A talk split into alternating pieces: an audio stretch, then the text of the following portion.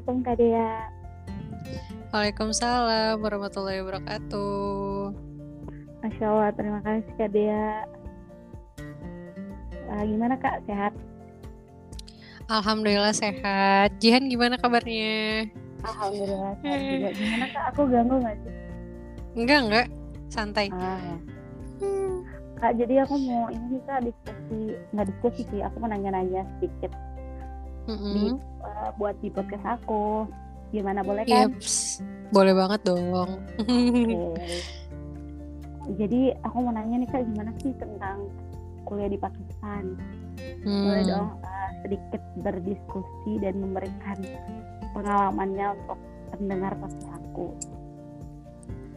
Oke. Apa- Ini tentang apa nih? Jadi uh, pertanyaan pertama ya, aku tuh pengen tahu apa sih alasan kenapa Kadea tuh memilih Pakistan sebagai negara bisu dan melanjutkan tadinya. Oke. Eh, Oke, Bismillahirrahmanirrahim. Sebelumnya salam kenal ya para pendengar eh, podcastnya Jihan. Aku Dea dan aku bachelor eh, dari fresh graduate dari IIUI eh, Islamabad Pakistan. Sebenarnya eh, apa namanya suatu kehormatan sih bisa gabung sama podcastnya Jihan. Dan kita sharing-sharing nih terkait eh, perkuliahan di Pakistan ya.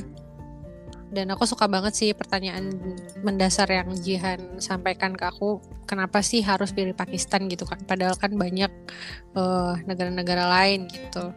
Cuman kalau ditanya eh, kenapa sih dek eh, milih Pakistan gitu aku selalu jawab Pakistan itu mm, memang punya arti sendiri dalam artian Pakistan tuh negeri yang romantis. Nah, kenapa sih Wow. harus kenapa harus dibilang negara yang romantis? Em, mungkin kalau untuk itu apa namanya bakal aku jelasin di buku gitu. Jadi nggak akan cukup kalau di podcastnya Jihan.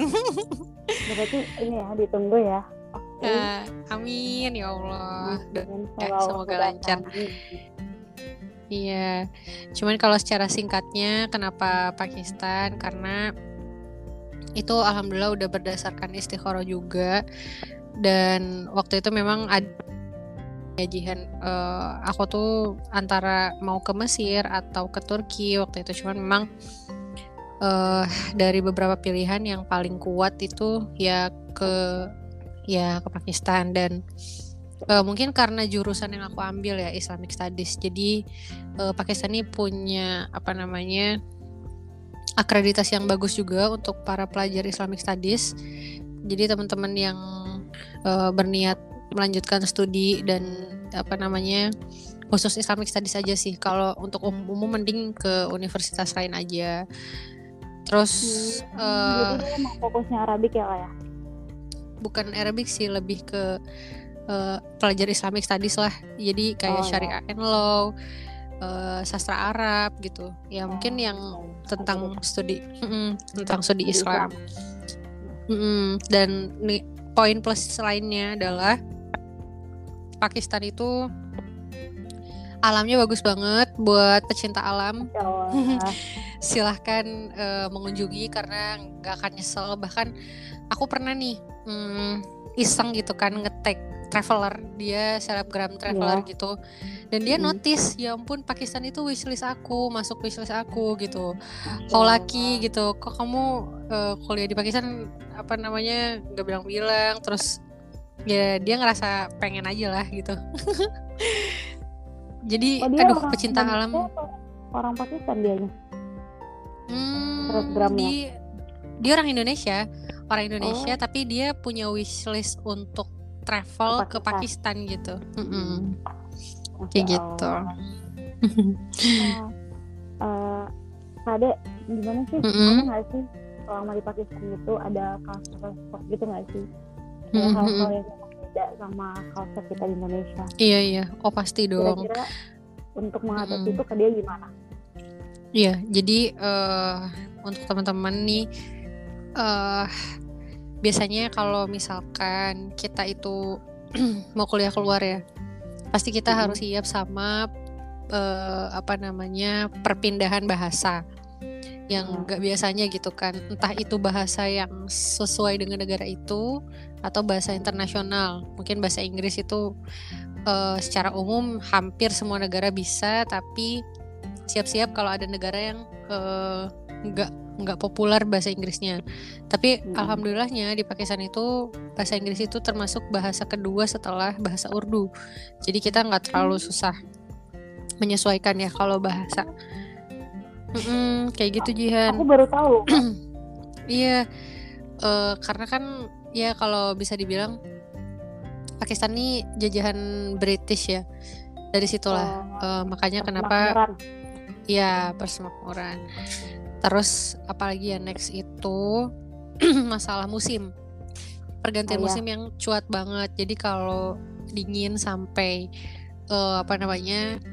sampai dingin banget dan panas itu sampai 48 lah. 48 47 dan itu panas Kebakar banget. eh sebenarnya dibilang apa ya kan kalau di Jakarta panas tuh panas yang bikin apa lengket ya Ya, panasnya lembab gitu. kalau kalau di Pakistan enggak sih lebih ke panas kering kayak gitu dan eh, gimana panasnya tuh kayak micro microwave gitu sih kita kayak dipanggang gitu loh lebih Jadi- gitu ya. Iya, aduh, ya itulah. Jadi intinya teman-teman harus siap, eh harus siap dengan dinamika itu sih. Kalau misalkan mau kuliah ke Pakistan ya, sebenarnya nggak ke Pakistan aja sih. Hmm, ada temanku yang dia itu kuliah di Rusia, eh dia itu minus 21 tuh dia udah bersyukur karena Oh, ketika titik winter itu dia dapat minus 40 ih, Bayangin aja, itu dia sampai mimisan, sampai keluar darah. Jadi ya setiap negara beda-beda gitu. Ininya, cuman eh masya Allah banget lah. Apalagi untuk orang kayak kita ya, yang kayak musimnya tuh nggak seperti mereka yang se ekstrim di luar negeri gitu. Mm-mm, Iya kayak gitu. Jadi eh, harus siap itu sih, harus siap sama mm, culture shock itu. Dan kalau ditanya gimana cara mengatasinya, yang pasti nggak gampang ya. Aku nih Ya. awal-awal untuk satu bulan pertama aku mencoba menyesuaikan. Eh, tapi itu masih belum nangis-nangis. Tiga bulan itu aku mulai ngerasa, aduh ternyata gini ya hidup di negeri orang. Dan aku ngebayangin kita akan terus seperti ini tiga tahun ke depan gitu. Masya Allah. Eh, Enam bulan baru deh itu. Eh, maksudnya mulai ngerti eh, segala macamnya dan lain-lain, mulai bisa menyesuaikan. Dan ya jadi di sekitar tiga tiga atau empat bulan pertama tuh adalah aku mengeluh terus ya nangis karena beda dari apa yang kita ini kan dari Bayangkan. ekspektasi sebelumnya. Mm-mm. Mm, cuman ya itu sih lagi-lagi kita tuh jadikan eh, wasilah di mana kita studi itu sebagai rasa syukur kita gitu karena sebenarnya banyak kan orang-orang yang pengen kuliah ke luar negeri tapi terkendala gitu dan lain-lain lah. Iya. Jadi ya cukup disyukuri, dinikmati dan ya jadilah bermanfaat gitu. Karena ya pasti gimana pun juga kalau kita udah di luar pasti kan beda ya rasanya sama di Indonesia dan bisa banget segala pengalaman yang kita punya tuh bisa jadi inspirasi ketika kita pulang ke Indonesia kayak gitu. Ya, ya, makasih banyak Kak Dea. Ya Allah, itu Yeps. inspiratif sebenarnya masalah culture. Ini kayak semua orang tuh butuh tahu dan perlu tahu banget. Iya, karena kadang kan orang keluar cuman pengen nyalju doang gitu kan Ji.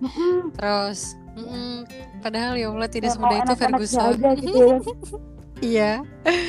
Kayak gitu sih. Aku tuh aku udah kebayangin tuh kayak di Brunei Mm, biasa aja Mm-mm. pasti enak aja gini segala macam. mm-mm. Ternyata pas sana tuh panasnya tuh banget kak ya Allah aku tuh juga nggak sanggup sebenarnya karena aku tuh cuma mikirin anaknya aja. Aku cuma Mm-mm. mikirin oh iya ntar aku gini aku gitu dan aku nggak nggak mikir kayak konsekuensi dari alamnya tuh beda sama punya kita dan itu berdampak akunya gitu loh kayak Mm-mm. gitu Mm-mm, mm-mm, kuat mm-mm, ya. mm-mm. Uh, kak Dea oh my god Semangat Jihan ya Jihan juga sempat ngerasain lah ya culture shock meskipun di Brunei ya itu. meskipun cuma dua bulan aja Mm-mm. Itu kerasa loh apalagi eh, apa Kadea yang sampai empat tahunan ya kak ya nggak mudah Mhm. pastinya Yeps. ada nggak sih kak problem-problem yang menghambat Kadea apa sih biasa tuh kan kalau di kalau kuliah gitu kan pasti Mhm. beda orang beda cara manage waktu terus kayak sosialisasi sama orang ada nggak sih yang Kadea rasain itu menghambat pendidikan Kadea pas di luar negeri Hmm, problem-problem yang menghambat ketika aku kuliah di luar negeri ya. Hmm, mungkin salah satunya ujian penuntut ilmu itu hmm, apa ya? Banyak sih sebenarnya. Itu ada sih di tahun keberapa gitu. Hmm, sempat ada yang mau ngajakin nikah. Enggak sih dari tahun pertama sebenarnya. aku aku, Dari tahun- aku udah aku udah tahu pasti masalah love gitu ya pasti ada ada hubungan sama cinta gitu. Ya gitulah. Dari dari tahun pertama terus tahun kedua ada lagi tahun ketiga ada lagi. Cuman eh aku nganggapnya gini maksudnya kan kita tuh jangan nikah ketika kita mau tapi ketika kita siap gitu kan.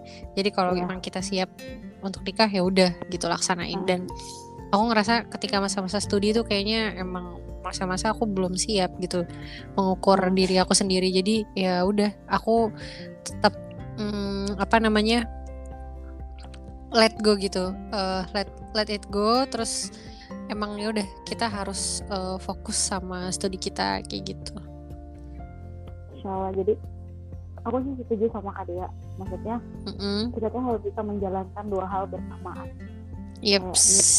nikah dan rumah tangga. Itu nggak bisa kita satuin. Karena itu Iya. problem besar di kita ya nggak sih? Iya bener Kayak kamu milih banget. apa? Kamu milih kuliah berarti selesaiin dulu gitu. Kamu milih nikah ya Mm-mm. udah kamu nggak usah kuliah karena dua hal itu nggak Yeps. bisa gitu. Mm-mm, bener banget. Iya Hmm. jadi tapi ma- makanya itulah aku salut sih sebenarnya sama kakak kelas yang sanggup gitu ya antara nikah dan kuliah itu jadi satu ya Allah. Itu aku sesuatu interest banget. sama orang-orang yang karena aku nggak bisa gitu Iya, karena aku belum bisa juga Ji. aku nggak bisa fokusnya Apalagi- kebagi gitu. Mm-mm. Mm-mm. apalagi ngerasa aja kayak kita tuh kadang masih kayak anak kecil terus itu udah Mm. anak emang kata Yeps. orang sih bakal bakal ini ya kayak apa namanya bakal bisa ketika kita udah berada di posisi itu tapi ya karena kita nggak pengen dulu gitu kan masih banyak hal yang pengen kita capai makanya kita tunda dulu bukan berarti kita nggak mau tapi kita menunda kalau kata aku mah Iya, ya nggak sih kak. Aduh. Betul. peran peran penting lah terus ada ada nggak sih kayak pas masih di sana gitu kan masih di Pakistan Mm-mm. hal-hal yang mengganggu Kadia misalkan kayak eh enggak sih nggak mengganggu kayak hal-hal yang akhirnya jadi kayak, kayak menambah wawasan Kadia gitu. Berpengaruh gitu nggak sih? Kuliah di luar negeri itu sama oh, perkembangan wawasan seseorang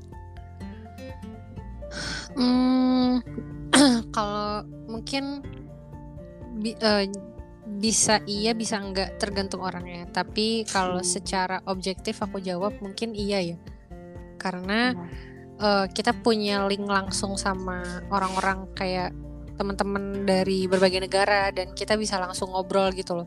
Jadi kayak exchange experience-nya tuh kayak live gitu kan. dapet Nggak ah dapet. Ya, kita bisa ngobrol langsung. Terus eh, dari segi apa lagi ya?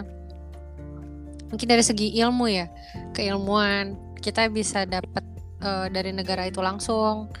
Eh, misal kayak kita kayak kita tinggal di Pakistan nih. Pakistan ini terkenal dengan apa sih? Sejarahnya seperti apa dan lain-lain. Jadi Mm-mm. hmm, dari situlah kita bisa benar-benar bisa apa ya? Dapat hmm, dapat pengetahuan dan lagi-lagi kalau misalkan teman-teman pengen bermasyarakat ya kalau bisa dilengkapi juga ilmu non akademiknya gitu entah itu di organisasi ataupun dalam seminar-seminar jadi hmm, itu tuh ngaruh banget ke apa ya ke gesekan kita ketika kita bermuamalah di eh, masyarakat gitu. Jadi kalau misalkan kita udah biasa bersinggungan sama atau bersosial sama orang-orang eh, di luar circle kita itu tuh akan mempermudah kita untuk bisa hidup di mana aja. Kayak gitu. oke jadi jadi jadi tergantung orang seperti itu nggak masih nggak apa nggak semua orang bisa kayak gitu ya nggak mm -mm, mm -mm. Yeps. Uh, mm -mm. kayak gitu sih uh, uh, oh iya kenapa yang enggak kenapa yang nggak bisa itu karena mungkin dia ngerasa kuliah ya udah mungkin ada dorongan keterpaksaan dan lain-lain jadi ujung-ujungnya cuman kupu-kupu gitu kan kuliah pulang kuliah pulang, dan pulang. Mm-mm, dan itu sebenarnya sayang banget gitu kalau misalkan kayak gitu ya gak ada bedanya sama teman-teman yang kuliah di Indonesia. Ya jadi kalau dia cuma sekedar kayak gitu wawasannya nggak akan bertambah. Maka lain lagi kalau dia membuka peluang untuk interaksi dan lain-lain kayak gitu. Aku kayak aku personal itu kagum sih sama kak dia sejujur-jujurnya. Maksudnya bisa uh, membagi waktu untuk bukan bisa peluang nggak nggak ada biasanya setelah kosong buat hmm. mikirin hal-hal yang negatif jadinya tuh enggak juga sih ya Allah kadang agak nggak fokus ya karena mungkin iya. uh, banyak pra, bukan hmm. problem sih banyak banyak kerjaan gitu jadi nggak fokus hmm. di satu aja tapi itu keren hmm. yang aku belajar banget juga dari tadi yang aku pengen share aduh sama-sama sih Jihan Iya, hmm, aku juga banyak belajar kok dari Jihan. Oh, aku mau nih kak minta sedikit sehat ya dari kalian buat teman-teman yang kiranya uh, pengen belajar ke luar negeri atau enggak teman-teman yang dengerin podcast ini gimana gitu. Hmm, oke. Okay. Uh, eh, untuk nasihat ya, sebenarnya aku juga hmm, bukan apa ya bukan yang sangat berpengalaman sih. Apa dalam dalam perkuliahan di luar negeri gitu ya. Tapi at least aku orang yang pernah uh, belajar di luar selama empat tahun dan selama empat tahun juga aku merasakan berbagai uh, manis pahitnya gitu kan. Gimana jadi apa perantau di luar negeri. Hmm. Intinya sih diluruskan niatnya kuliah keluar itu untuk apa gitu. Jadi kalau misalkan ada untuk eksistensi coba dihapuskan. Karena hmm, itu apa ya celah uh, celah negatif untuk kita hidup di luar gitu. Jadi uh, karena kuliah di luar itu yang gak semudah yang dikira gitu kan. Bayangin aja kita kuliah dengan bukan pakai bahasa Indonesia pengantarnya. Dan itu harus kita hafal ketika kita ujian gitu kan. Itu kan gak mudah gitu. Dan yeah. kayak yang tadi Jihan sampaikan di awal-awal gitu culture shock kemudian hambatan itu pasti kita face kita pasti hadapi di luar negeri di mana pun itu. Dan pasti dikala kita menghadapi itu ada namanya naik turun dari segi yeah. motivasi. Nah, supaya kita nggak lack of motivation kita coba bangun fondasi yang kuat ketika kita keluar misal kayak aku nih aku hmm, kalau dalam bahasa Arab ya ikhtar tuh Pakistan lil khidmah falah hujjatali li an ata'awah kayak uh, saya tuh udah memilih Pakistan sebagai ladang saya untuk bersyukur maka nggak ada alasan untuk saya mengeluh terhadap perantara kesyukuran ini gitu loh. Jadi uh, bagi aku ya sebuah kesyukuran lah bisa kuliah ke sana dan itu lebih dari cukup. Ya kalau misalkan memang ngeluh sedikit dua dikit nggak apa-apa. Tapi kalau ber ber dan setiap saat itu kan ya nggak juga. Mending pulang aja ke Indonesia gitu kan. Karena kan jadi ya, itu kayak hot buttonnya Kadea gitu ya? Iya kayak gitu intinya ya dari niat coba diperbaiki dan mental uh, next kita harus punya fondasi yang kuat supaya ketika kita down kita kembali lagi ke situ. Kayak gitu. Insyaallah. Insyaallah kak dia uh, singkat tapi ber berisi. Singkat tapi amin amin amin. Terima kasih banyak loh kak dia udah mau aku undang di sini kasih banyak kak sama-sama Jihan terima kasih juga udah apa dipercaya untuk ngisi di forum Bacarita ya. jadi ini ntar akan jadi podcast pertama gitu. Video, such an honor. Siap. ya, da, eh, Oke. aku dapat banyak pelajaran sih kesimpulan di sini bahwasanya ketika kamu berniat kamu harus sungguh-sungguh gitu Yaps, betul banget. aku aku pernah banget eh, zoom meeting kan terus ada salah satu teman aku ngomong kayak gitu pelaut yang handal tidak terlahir dari laut yang tenang Yaps, Jadi- betul banget. Mm-mm. kalau kamu pengen jadi orang besar usaha kamu juga harus lebih besar dari itu semangat Iya. kamu doa Mm-mm. kamu bahkan kekuatan kamu juga harus lebih besar dari orang-orang yang intinya tidak sebesar kamu gitu jadinya Mm-mm. kuliah di mana pun kuliah di mana pun niat kamu cita-cita kamu kamu harus bertanggung jawabin gitu intinya ya Yep. kak iya. We have to be responsible. Hmm. Eh, apa namanya? atas apa yang udah kita mimpikan kan. Jadilah pemimpi yang bertanggung jawab lah. ah ini Mm-mm. kuat banget sih jadilah pemimpin bertanggung jawab oke makasih banget ya kak udah, udah Semangat. jam berapa nih jam 9 waktunya kak Dia untuk mengisi hal-hal yang lain Jihan juga selamat istirahat ya. Thank you for inviting me. Sama-sama. aku juga terima kasih Yeps. ya Sama-sama. terima kasih udah datang di cerita podcast by Jihad Waalaikumsalam. Jihan. Yo, dah.